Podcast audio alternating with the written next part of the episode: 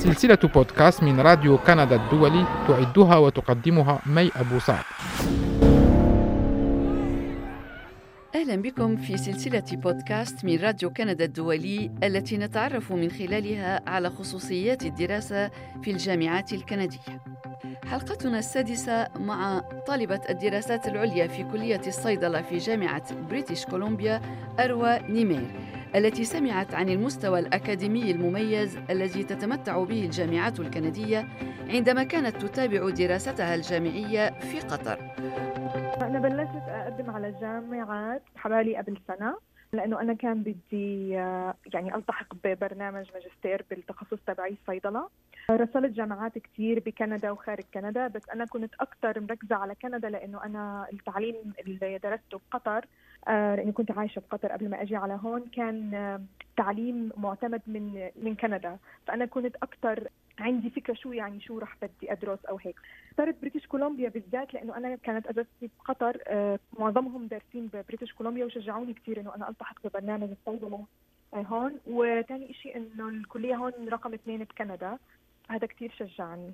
تأشيرة الدراسة كانت جدا يعني هي أخذت حوالي شهرين بس إنه إجراءات يعني مجرد ملفات أو شغلات بت يعني أوراق بدهم إياها وخلص بس كان الموضوع كثير منظم وكله كان اونلاين يعني أنا ما احتجت إني أروح على أعمل مقابلة اي شيء ذكرتي أن الأساتذة كانوا بأغلبيتهم من الكنديين. هل هذا أمن لك نوعا من الاستعداد أو التحضير للوصول إلى هنا؟ يعني كنت على علم لنقل بأجواء الدراسة قبل الوصول إلى هنا؟ آه لأنه أنا درست دكتور صيدلة بقطر والجامعة وكلية الصيدلة هناك معتمدة من كندا. فأنا كنت عندي فكرة شو شو مناهج التعليم كيف الممارسة هون كيف رح تكون. أساتذتي ما ساعدوني بإجراءات بس هم نصحوني إني أجي أكمل هون دراسة. نعم. على أساس إن هم يعني عارفين شو كيف الجامعة وكيف التدريس فيها ومستوى التعليم وبيعرفوني كمان يعني. لكن كإجراءات لا ما ساعدوني ولا شيء. أنا أقصد فقط في الحديث عن الأجواء.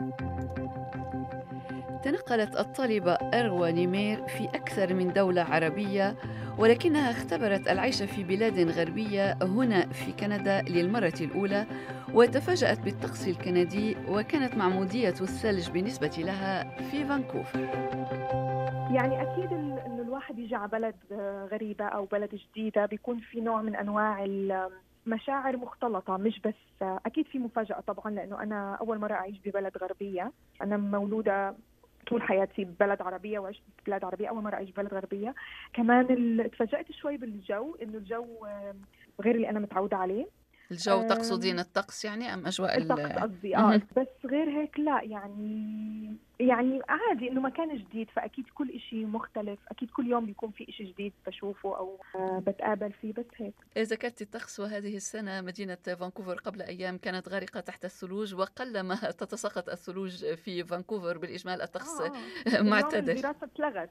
يوم الدراسة التغت من الجامعة ما ما في class اليوم لأنه بسبب الثلج يعني كثير طبعا سمعتي ان هذا غير معتاد في فانكوفر. آه آه مضبوط. نعم. يعني درجه الحرارة نادرا ما بتكون هيك بفانكوفر. وكيف أثر فيك هذا الطقس يعني بصورة إجمالية وأنت كما ذكرتي اقمت طوال حياتك في دول عربية؟ إنه أول مرة في حياتي أشوف ثلج. كان كتير إشي يعني كنت متحمسة كتير بس لما زاد عن الموضوع حسيت إنه آه يعني لا يعني كتير برد. الواحد صعب إنه يتحرك من مكان لمكان خصوصا إنه أنا بروح الجامعة مش ما باخذ أي شيء باص أو شيء فكان الموضوع شوي إنه مش سهل علي إنه أتعود لأنه خصوصا أنا كمان جسمي مش متعود على هي الدرجة درجات الحرارة. ولكن كل الوسائل متوفرة يعني في هذا آه المجال من وسائل الراحة. الموضوع كله إنه أنا اللي مش متعودة على هذا الجو لسه جسمي عم يتعود.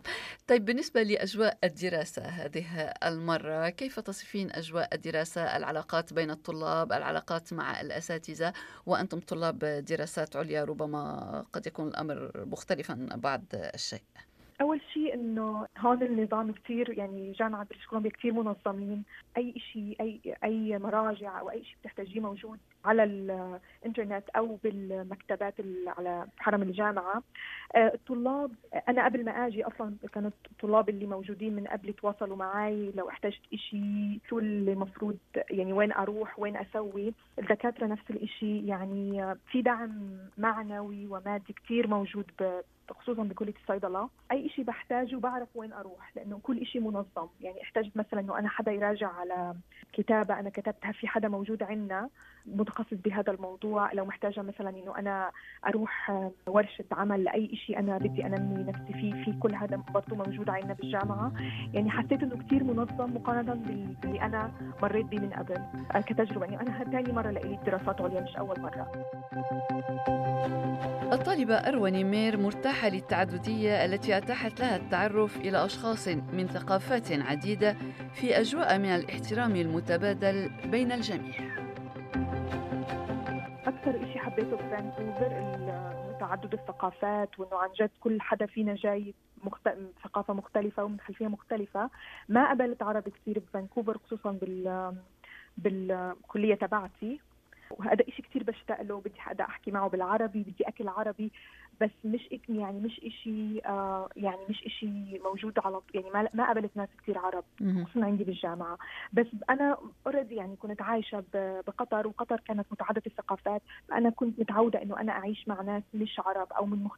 أو من من ثقافات مختلفة. فهذا الموضوع ما سبب لي كثير يعني ما كان مختلف عن اللي أنا متعودة عليه. بالعكس كان كان إشي يعني الواحد لما بيقابل ناس مختلفة آه، بنشوف أفكار بعض كيف يعني الموضوع بحسه أكثر إنه أحسن ما يكون الواحد عايش بمكان كل الناس شبه بعض بالعكس نعم. يعني بحس إنه شيء هذا كثير شيء يعني آه، يغني الإنسان ربما يغني الإنسان. مزبوط مزبوط كثقافه وككل شيء يعني. الناس هون لما بتعرف إنه أنا بحكي عربي كثير بيتحمسوا وفي كثير ناس بدهم اعلمهم يعني يعني كثير شيء حلو يعني. وماذا عن العلاقة مع الطلاب والأساتذة الكنديين يعني غير ذوي الأصول المهاجرة؟